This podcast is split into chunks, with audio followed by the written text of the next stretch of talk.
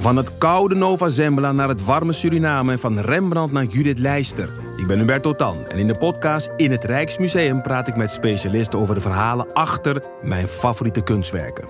Nieuwsgierig? Beluister nu de nieuwe afleveringen. Ben jij van plan om dit jaar te starten met beleggen? Of ben je er al mee bezig en zoek je een portie inspiratie? Wij zijn eh, Jasper en Twan, twee doodgemode maar compleet verschillende beleggers. En iedere donderdag vertellen wij in onze podcast de lange termijn over onze beleggingsreis, onze lessen en met name onze fouten. En dat allemaal op een eh, vermakelijke en een langdrempelige manier. Alsof je met ons in een kroeg staat. Met een whiskytje erbij. Lekker. Dus luister eens naar onze podcast De Lange Termijn.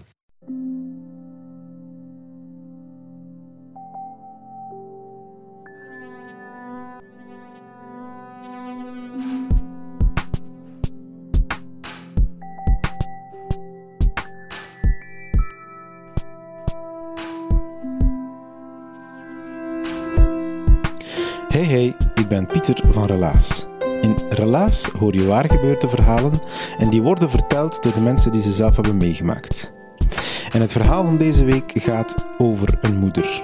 Dat komt goed uit, iedereen kan zich daar iets bij voorstellen, want iedereen heeft tenslotte een moeder. Maar niet iedereen heeft een moeder zoals Marita er een heeft. Marita's moeder is anders.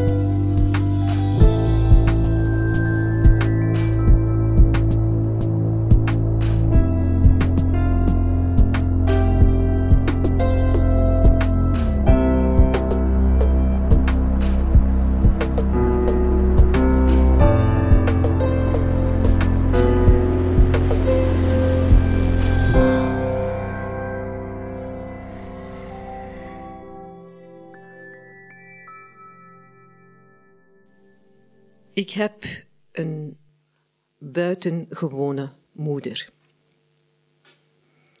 Ja, dat kan alle kanten op natuurlijk.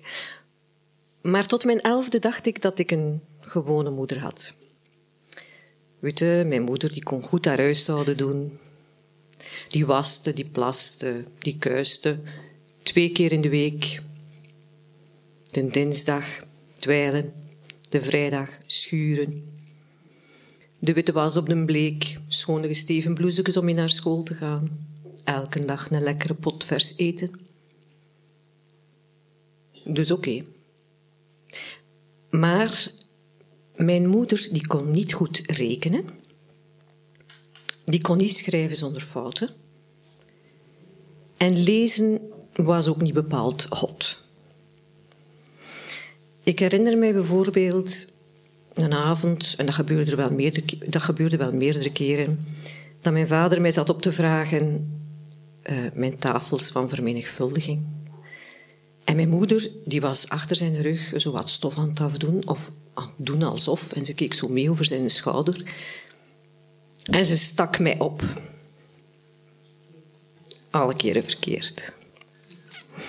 Of iets anders, ik had een keer een boek, toen ik een jaar of acht of negen was, een boek in mijn handen gekregen. Merel, zo een reeks meisjesboeken. Ik had daar een van toevallig in mijn handen gekregen. Ik had die verslonden en ik vroeg aan mijn moeder, mag ik nu nog een boek hebben? En ze zei, maar heb toch al een boek.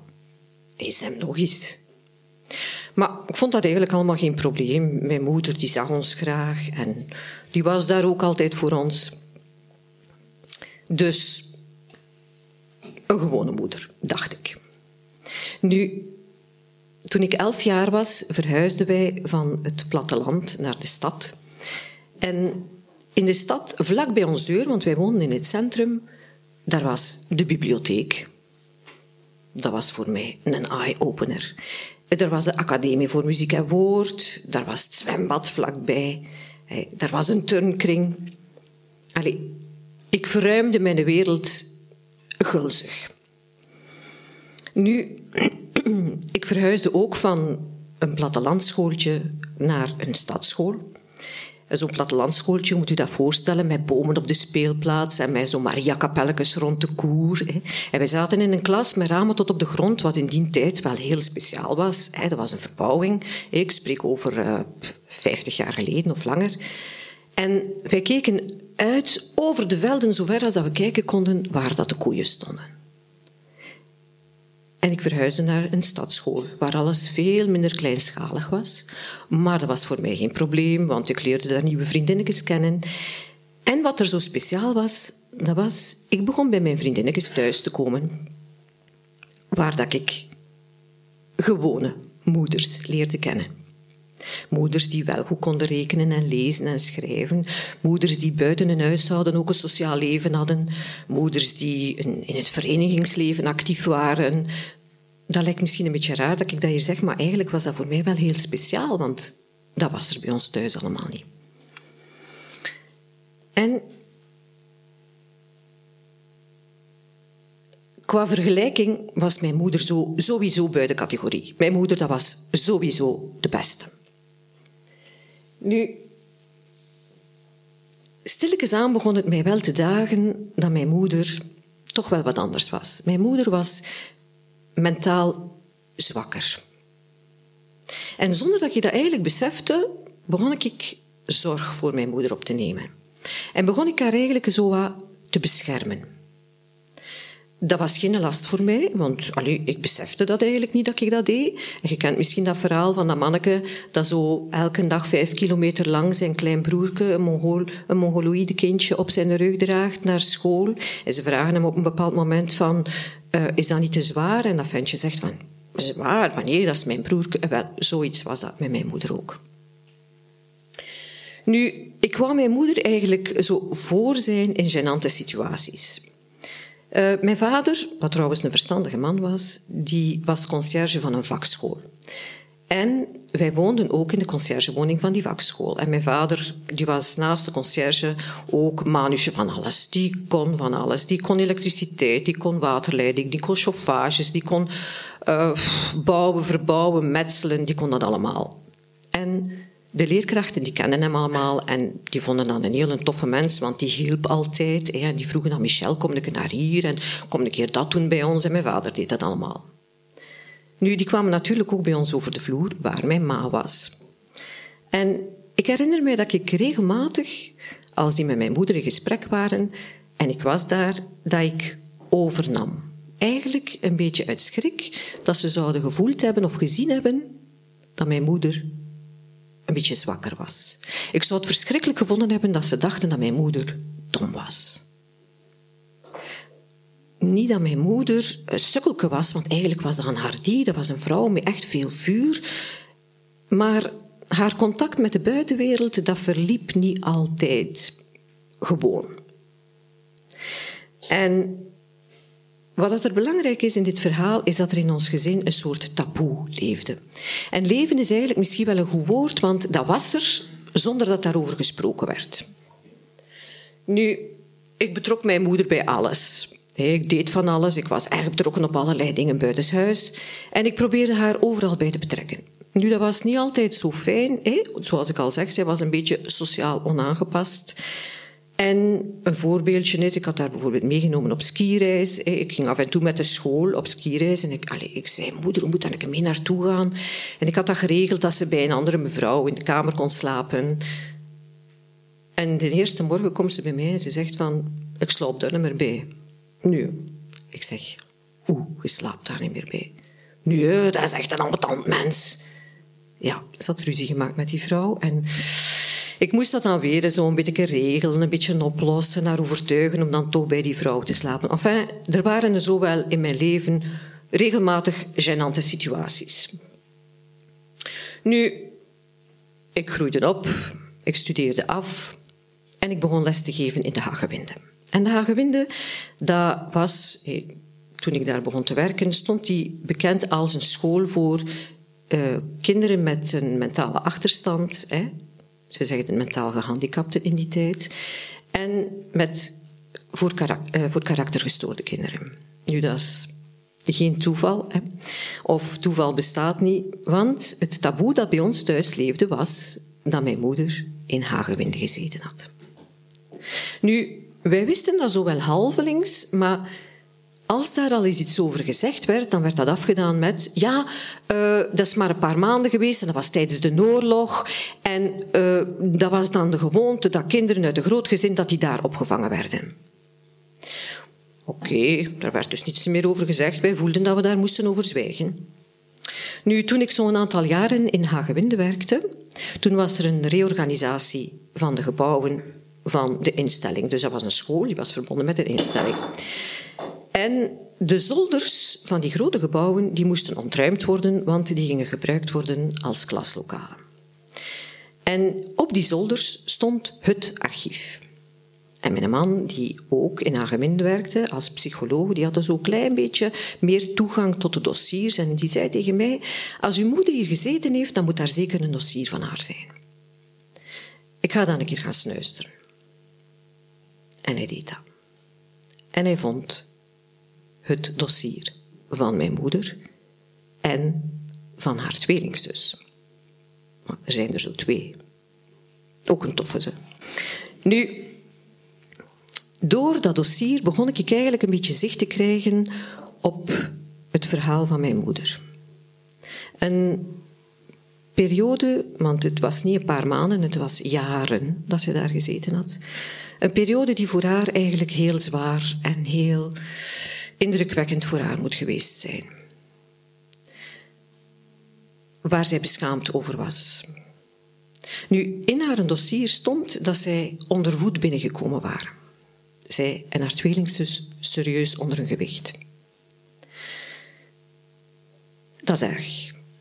Maar ik vergeef dat eigenlijk mijn grootouders. Je moet je voorstellen, mijn moeder die kwam uit een gezin van veertien kinderen. Mijn grootvader die werkte in een uh, houtzagerij, had een boom op zijn voet gekregen, de voet was verpletterd en hij kon niet meer werken. Nu moet je voorstellen, in die tijd niets van backup, geen ziekteverzekering, veertien monden te voeden. Dat was niet gemakkelijk. Gelukkig had ik een, een stevige grootmoeder die dat eigenlijk wel een groot stuk trok, dat gezin. En uh, ja, die begonnen dan mijn klein boerderijken met zo wat klein vee en een koe. Nu later vertelde mijn moeder over haar verblijf in Hagewinde. En het verhaal zo van altijd in groep benaderd worden, altijd in grote refter moeten eten. Want dat waren geen leefgroepen gelijk nu met 10, 15 kinderen. Dat waren groepen van 50, 60, 70 kinderen samen. Hè. Uh, het in grote slaapzalen slapen. Het altijd uh, in groep benaderd worden. Het onder een plastieke zeil gewassen worden omdat ze hun eigen lichaam niet mochten zien. Het op hun kniekjes, op een rijke met verschillende meisjes, op hun kniekjes met een borstelkun de tegels schuren en bij elke beweging moeten scanderen Jezus, Maria, Jozef, Jezus, Maria, Jozef, Jezus, Maria, Jozef het, het, niet gezien worden in uw talenten, want ja, daar was geen oog voor in die grote groepen. Mijn moeder die kon bijvoorbeeld uh, goed zingen, dat was niet gezien. Mijn moeder had aanleg voor theater, niet gezien. Mijn moeder had aanleg voor tekenen, niet gezien, niet geschoold, niet gevormd. Ze vertelde mij over de nonnen, over de goede nonnen, maar ook over de rotnonnen die sloegen mij in sleutelbossen. Ze vertelde over dat ze een maandstonden kregen en dat ze niet wisten wat er gebeurde. En dat er eigenlijk niemand voor hen was om daar een klein beetje nabij te zijn en een beetje hen op te vangen. En in die zin had ze eigenlijk met haar tweelingzus een echt bondgenootschap gemaakt. En, en uh, dat heeft dan eigenlijk daar een stukje doen overleven. Want ook al was een huis maar een paar kilometers van de instelling waar ze zaten, zij mochten maar om de drie, vier maanden naar huis. En als zij daar thuis kwamen, dan was dat ook in een groep van veertien mensen dat zij terechtkwamen, hè, zonder eigenlijk daarin gegroeid te zijn, hè, vreemd, ook weer vreemd. En als ze dan later uit haar gewinde wegging, dan moest ze daarover zwijgen, want dat was een schande. Want je moet weten, haar gewinde in die tijd, mijn moeder is 94 jaar, dat had echt een connotatie met weggestoken worden met, met een zothuis. Dus dat was een schande en daar moest over gezwegen worden, vandaar ook dat taboe. En als kind, weet je, het is slecht dat ik dat allemaal voelde. Ik had eigenlijk een zesde zintuig voor mijn moeder. Ik had een beetje een symbiotische relatie met mijn moeder. En, en zij was ook bang dat haar kinderen haar zouden verwerpen, want zij voelde zich niet graag gezien. Zij voelde zich eigenlijk verworpen, net zoals haar tweelingzus. Nu, Soms zei ze ook tegen ons, ze gaan je ook niet moeten hebben. Hè? ze gaan je ook niet graag zien. Hè? En dat, dat onthoud je. Dat, dat gaat dieper dan zomaar iets dat ze tegen je zeggen. Nu, zo'n buitengewone moeder hebben, dat heeft heel veel lagen. En dat heeft enorm veel invloed gehad op de vier kinderen. De opvoeding thuis was niet echt toppedagogie. Maar ja, waar zou mijn moeder dat moeten leren hebben? Zij was een instellingskind. Zij had zelfs geen gewoon gezin waar dat ze een voorbeeld kon aannemen. Nu, ik troonde mijn moeder overal mee naartoe. En allee, ja, het verschil met de andere kinderen was misschien dat zij mij niet de weg toonde in het leven, maar dat ik haar overal mee naartoe nam. Ik ging naar de academie, ik studeerde mijn teksten, ik declameerde die voor haar. Ik ging naar een turnkring, ik nam haar mee naar toneelvoorstellingen. Uh, ik was catechiste en ik sleurde haar mee naar alles wat er gebeurde met de catechese van de parochie. Ik zong mijn hele repertoire catecheseliedjes met haar. En ik, ik schreef allemaal gedichtjes, ik las die voor aan haar. En eigenlijk, zij was daar altijd heel enthousiast over chapeau eigenlijk, hè, want zij had dat eigenlijk allemaal niet gekregen, terwijl dat zij daar ook aanleg voor had.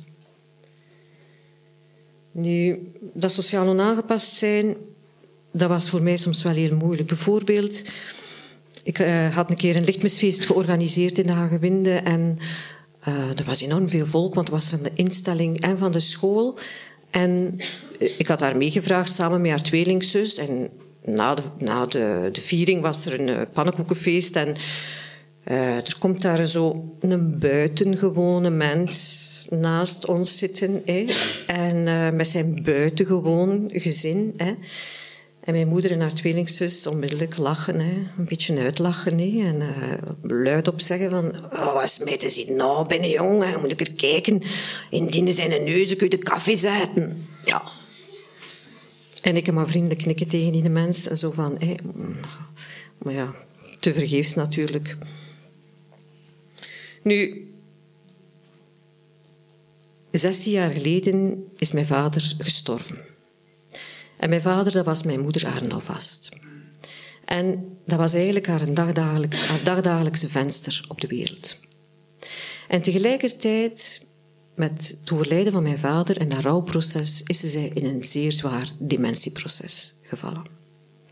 En zij verloor tegelijkertijd in die rouw haar greep op de wereld. Zij, zij verloor haar weg in de stad. Zij kon plots geen koffie meer zetten. En zij heeft echt geleden. En ik moet zeggen, zij heeft tien jaar lang, echt tien jaar lang, zich ongelooflijk buiten proportie karakter moeilijk gedragen. Ze heeft tien jaar lang geschopt, geklopt, geroepen, getierd, verweten, gekrapt, gespuwd. Alle mogelijke vuile woorden kwamen eruit die ik van haar nog nooit gehoord had. Misschien ook van uit die tijd, ik weet het niet, maar vooral tegen mij. was gewoon verschrikkelijk. Alle colère die zij gevoeld had tegenover haar moeder, die haar weggestoken had, is gedurende die tien jaar allemaal over mij heen gekomen. Het was verschrikkelijk. En de verpleging zei van, ze doen dat eigenlijk vooral tegen de mensen die ze liefst zien. Was er vet mee. Of soms zeiden ze van, oh, het is de moeilijkste van de afdeling. En ik geloof haar, ik geloofde haar die verpleegster. Nu, zij stak regelmatig zo haar, haar middenvinger op en haar knokkel boven haar andere knokkels en dan stond ze daarmee te zwaaien en ze zei zo moeten kloppen, want dan hebben ze. Voor mij eigenlijk allee, verschrikkelijk om dat allemaal mee te maken. Ik herinner mij zo'n scène voordat ze opgenomen was in de, de instelling het was heel hard aan het regenen en uh, ik uh, was aan het stappen door de stad en op een bepaald moment passeerde ik zo'n elektrowinkel en die lag zo nogal ver. Het was zo'n oprit. Ik ging daar eigenlijk nooit, maar het was keihard aan het regenen en ik dacht van, ga je een keer binnen gaan. En ik ga daar binnen. En ik dacht van, man, man die zijn er aan bras aan het maken aan die toog. Wat is me dat? En enfin, ik ging door die rayons en ik keek er zo waar rond en... Wat zag je aan? Begon mij dat te dagen dat ik die stem kende. Ik dacht, het is niet mogelijk. En ik ging daar naartoe. En mijn moeder, moet u dat voorstellen? Er was zo'n een wasmachine. Aan die in toog stond die. En zat zich daar echt bovenop geposteerd. Met een koffiezet op haar schoot. Met zo'n plastieke kap, kende dat? Zo die vrouw die dat vroeger doen, zo onder haar, onder haar kin geknoopt. En die droop echt van de regen. En ze zei tegen die vrouw, en ik moet hier een nieuwe koffiezet hebben. En dat is een koffiezet die van hier komt en ik moet daarvoor een ander nemen. Maar dat was een koffiezet die echt al oud was. En die verkoopster zei, mevrouw, kunnen wij u geen ander koffiezet geven? He, dat is oud. En toch kan hier niet wegvuren dat ik een andere koffiezet heb. En ik zeg tegen die verkoopster, ik zeg, weet je, laat me even. Die vrouw kijkt zo naar mij van, ga jij dat hier oplossen of wat? Ik zeg, dat is mijn moeder. Ah, dat is uw moeder, ja. Ik heb op alle mogelijke manieren geprobeerd om mijn moeder van die wasmachine te halen. Dat lukte niet. Zij had zich echt zo vastgeklonken. Hè. Dat was echt een blok lood die daarop zat. En op een bepaald moment zegt die verkoopster... Ja, dat is hier wel geen reclame voor mijn winkel, mevrouw. Uh, ze moet hier weg. Ik zeg, ik krijg haar hier niet weg. Ja, zegt ze, dan bel ik de politie. Ik zeg, je, belt gewoon de politie. Ik dacht van... En ik voelde hoe erg dat mijn moeder op dat moment leed. Ik vond dat gewoon verschrikkelijk. En ik vond dat ook zo verschrikkelijk dat ik er dus niks kon aan doen. En zo heeft dat eigenlijk tien jaar geduurd. Elke keer opnieuw als ik daar kwam, in te rengelen, in de instelling waar dat ze zat, was dat hetzelfde scenario. Ze noemde mij smerlap, en wat weet ik niet allemaal. En elk woord, elk van, elk van die vuile woorden, dat sneed echt door mijn borst. Maar ik bleef er vastpakken en ik zei... Alleen, ik, ik zong voor haar. Ondanks het feit dat ze ook woest was op mij. En ik bleef heel dat repertorium, ik had de gezelliedjes en mijn, mijn slagers, alles wat ik kende, zingen, totdat ze kalmeerde. En soms zong ze mee. En ik ga daar nu nog altijd naartoe, naar mijn moeder, ze leeft nog. Maar een jaar of vijf geleden is dat vuur gedoofd. Ze is veel verder weg. Ze kan niet meer stappen. Ze kan niet meer alleen eten. Ze herkent de mensen niet meer, maar mij herkent ze wel nog. Niet direct, als ik er even ben en als ik gezongen heb. En, en soms zingt ze zo zelfs nog een keer het laatste woordje van een zinnetje mee. En zo van, mee mijn vlieger en zijn stert. Hij gaat om je te zien, weert. Soms. Maar dat is ook ver gedaan. Maar, weet je, als ik daar ben, dan ga ik me haar in het zonnetje zitten. Of als ik daar op de middag ben, dan geef ik haar eten en dan soms kruip ik met haar achteraf in bed en dan liggen we lepelke, lepelke en dan, dan voel ik dat ze geniet. Of ja, soms telefoneer ik naar een van de vijf kinderen waar dat ze een super grootmoeder voor geweest is. En dan, dan luistert ze, want dan houd ik die noren aan haar oor en dan luistert ze heel gespitst en dan, dan begint ze heel emotioneel te wenen en soms masseer ik haar. Soms ga ik met haar naar het contactkoor, dat daar veertien dagelijks gericht wordt. En dan begint ze soms te wenen na de eerste zinnen van een liedje. En dan moet ik meeschrijven, want ik heb eigenlijk nooit emotioneel afstand kunnen nemen van mijn moeder. En misschien een geluk. Maar soms denk ik van...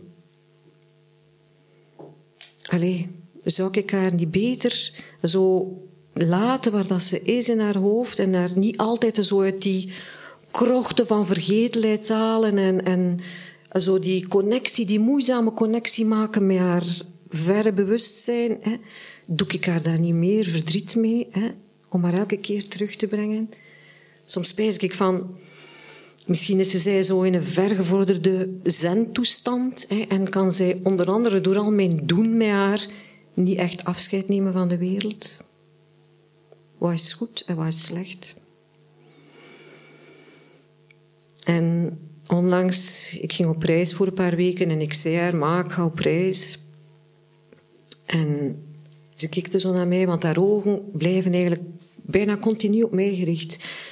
En ze neigde zo naar voren en, en ze, heeft zo, ze kan haar handen niet meer openen. Dat zijn eigenlijk zo twee klauwjes geworden en ze trok mijn gezicht zo naar haar toe en ze gaf mij wel tien smakjes en ik dacht van, die begrijpt dat, die beseft dat. En, en als ik wegga bij haar uit de kamer en ik kijk achterom, dan zie ik dat ze zij mij zoekt. Juist gelijk een kind. En weet je, het is mijn moeder, hè. Wat is eigenlijk ook een beetje mijn kind.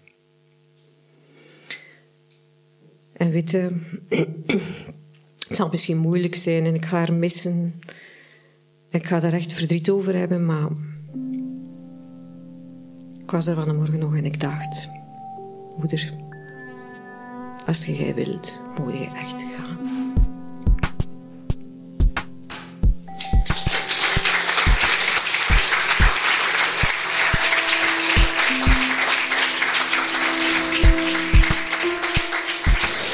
Dat was het verhaal van Marita. Ze heeft het verteld in Husset. Dat is onze vaste stek in Gent. Je zal wel gemerkt hebben dat het een wat langer verhaal is. Maar de rust waarmee Marita dat vertelde, die rust, die zorgde ervoor dat Husset lang, 25 minuten lang, muisstil was. Eén persoon in de zaal die zat overdreven met blinkende ogen te kijken. Dat was Luc. Luc is getrouwd met Marita. En zijn verhaal hoor je ook over enkele weken in Relaas, want hij heeft op diezelfde avond ook een verhaal verteld. Luistert jouw buitengewone moeder ook al naar podcasts? Ik dacht het niet, hè. Wat dacht je ervan om volgende keer dat je ze ziet, haar dit verhaal te laten luisteren? Misschien op haar smartphone, misschien gewoon via onze website, maar probeer haar zover te krijgen dat ze abonneert op onze podcast. Jij bent een van die podcastpioniers die op deze manier de podcast overal ter wereld kan verspreiden en iedereen aan het luisteren kan krijgen. Het liefst vanal naar relaas natuurlijk. Ik moet nog dankjewel zeggen aan de stad Gent en de Vlaamse gemeenschap. Hun centjes zorgen ervoor dat Relaas blijft bestaan. En daarnaast mogen onze vertelavonden altijd plaatsvinden in een Hopzak in Antwerpen en in Huzet in Gent. Merci daarvoor. Pulp Deluxe zorgt voor de mooie tekeningen en Chase Creative en Urgent FM ondersteunen ons. Wij, wij zijn Charlotte Huigen, Katelijn de Vries, Lisbeth Taling, Tessa Amelink, Sarah Latré, Stefan Gruijaert, Sarah de Smet, Rick Merci, Evita Nocent, Philip Cox, Timon van de Voorde, Anneleen Schaalstraten, Egwin Gontier, Dieter van Huffel, Lien Somers, Marlin Michels, Jurgen Strooband, Steve Konaar, Silke Dury, Ruby Bernabeu Plaus en ikzelf ben Pieter Blomme. En jij, jij luistert en dat blijft ongelooflijk. Dankjewel daarvoor en vergeet verdorie niet om goed voor je moeder te zorgen. Altijd.